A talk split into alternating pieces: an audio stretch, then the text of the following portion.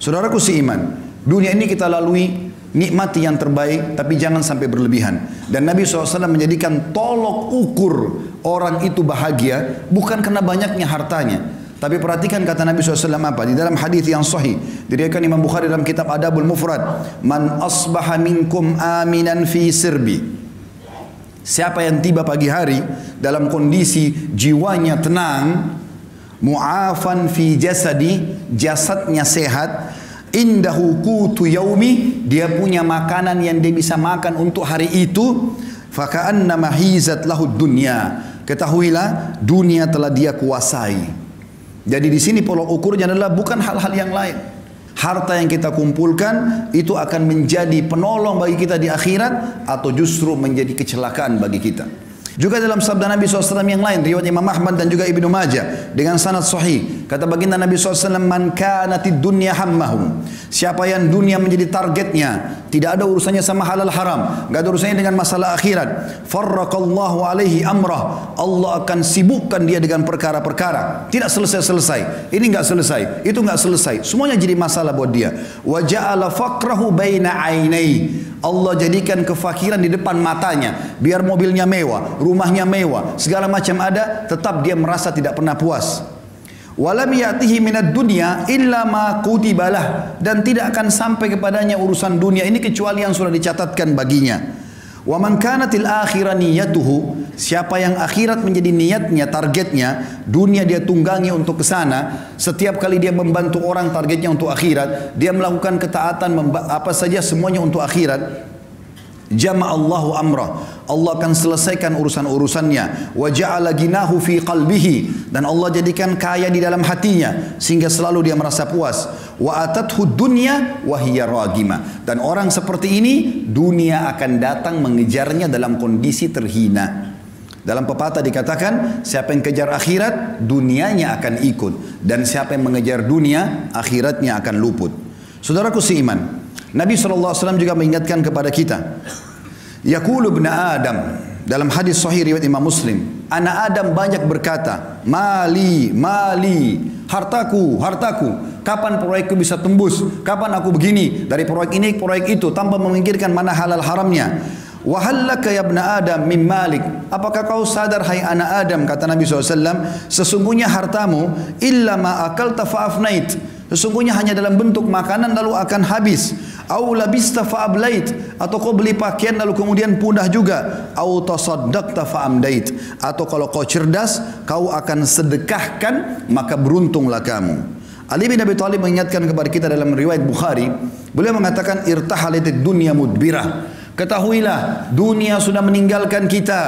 Umurnya dunia makin sedikit sudah banyak orang sebelum kita meninggal dunia yang jauh lebih hebat daripada kita. Lebih banyak idenya, lebih banyak keturunannya sebagaimana saya katakan tadi. Wartahalatil akhirah mukbilah dan akhirat sedang menuju kepada kita. Walikulli wahidin minhuma banun. Kedua wilayah ini punya anak-anak. Fakunu min abnail akhirah. Jadikan diri kalian anak-anak akhirat. Wala takunu min abnaid dunia. Dan jangan kalian tinggal menjadi anak-anak dunia. Fa innal yawma amalun wala hisab. Karena hari ini di dunia bebas beramal tapi belum ada hisapnya. Wa gadan hisabun bila amal. Tapi besok di akhirat akan ada hisab, tidak ada lagi kesempatan untuk beramal.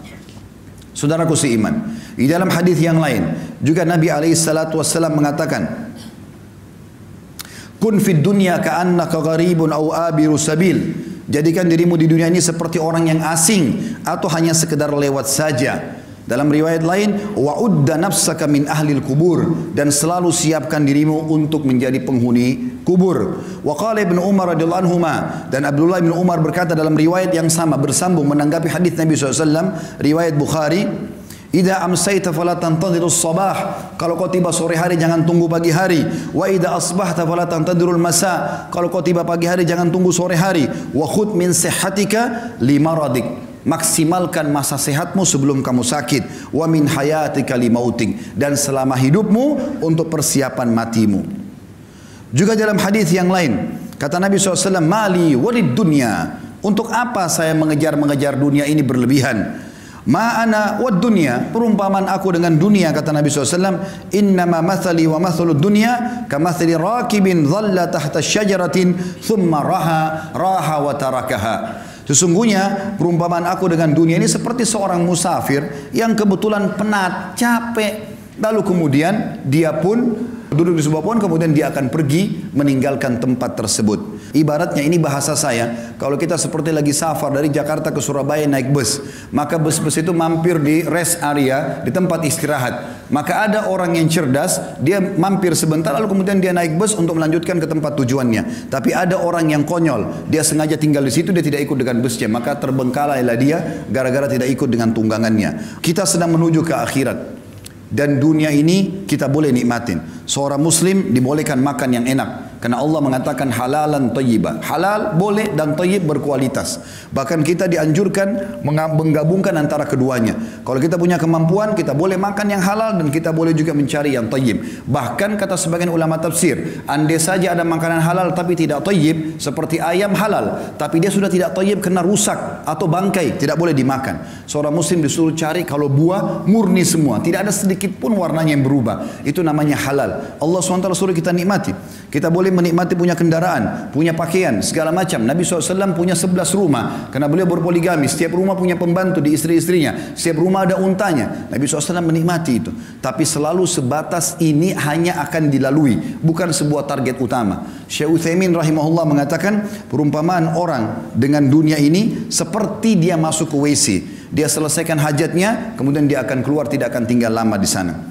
Teman-teman sekalian, Allah sedang menjanjikan kita sesuatu yang besar di akhirat sana. Allah ciptakan kita manusia untuk menjadi anak-anak akhirat, bukan dunia. Jangan tinggal di sini. Kita akan kembali ke sana. Semuanya kita akan kembali.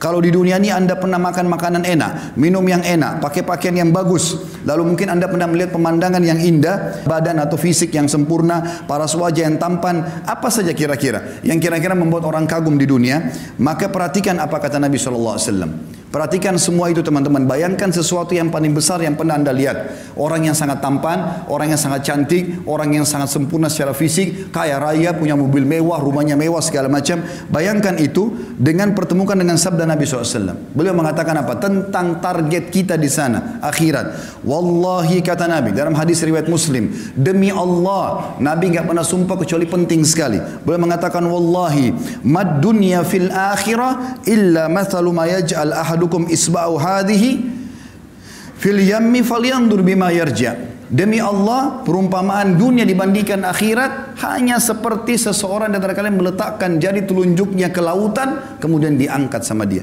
Maka lihat apa yang ikut dengan tangannya.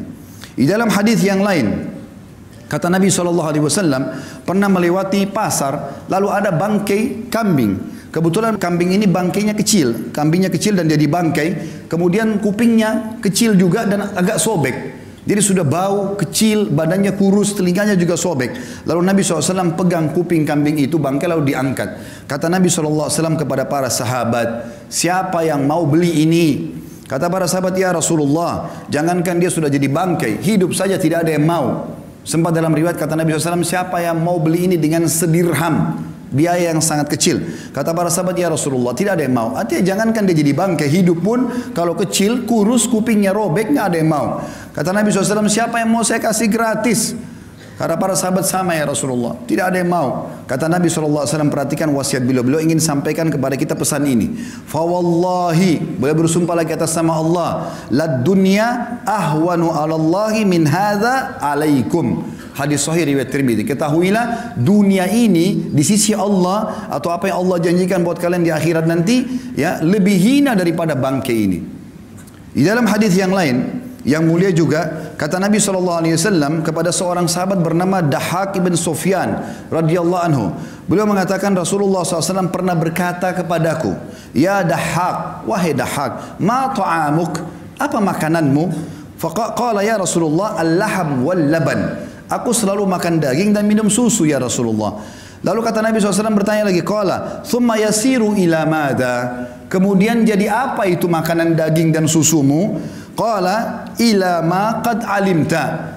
Tentu akan menjadi apa yang sudah anda tahu ya Rasulullah. Karena beliau santun dengan Nabi SAW, beliau tidak mau mengatakan jadi kotoran ya Rasulullah. Beliau mengatakan sudah menjadi apa yang anda tahu ya Rasulullah. Jelas susu menjadi air kencing, maaf. Dan juga makanan akan jadi tinja, kotoran. Tapi sahabat ini santun dengan Nabi SAW mengatakan ya Rasulullah terjadi seperti apa yang anda tahu.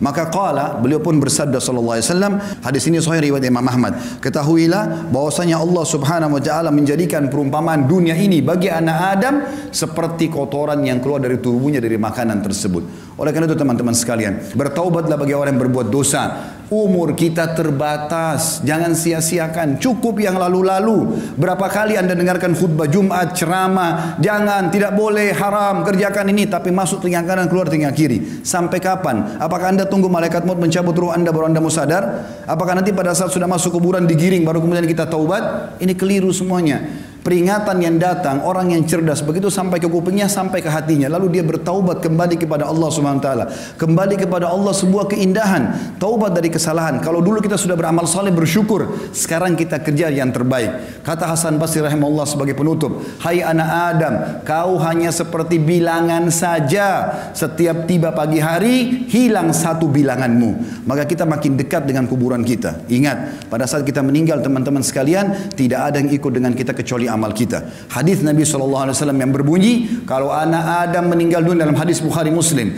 anak Adam meninggal dunia akan ikut ke kuburan tiga keluarganya, hartanya dan amalnya dan akan pulang dua. Hartanya dan keluarganya akan pulang. Secinta-cinta suami Anda kepada Anda, cinta-cinta anak kita kepada kita sebagai orang tua, tetap saja mereka tidak akan nginap di kuburan. Satu jam maksimal mereka tunggu di liang lahat, selebihnya mereka akan pulang. Istri kita bisa menikah sama orang lain, anak-anak kita akan sibuk dengan aktivitasnya. Teman-teman kita cuma tetesin air mata sebentar lalu kemudian mereka kepada aktivitasnya kembali. Mobil mewah kita hanya bisa parkir di pagar kuburan. Dan yang tinggal kata Nabi SAW. Setelah pulang keluarga dan hartanya. Tinggal bersama amalnya. Sholat yang selama ini kita kerjakan hanya buru-buru. Sedekah yang selalu keluarnya cuma seribu dua ribu rupiah. Selalu perhitungan ini dan itu. Selalu bermaksiat tidak sempat taubat. Itu yang tinggal bersama kita. Dan ini berbahaya. Kalau kita tidak tentukan mulai sekarang. Maka sampai kapan? Allahu'alam.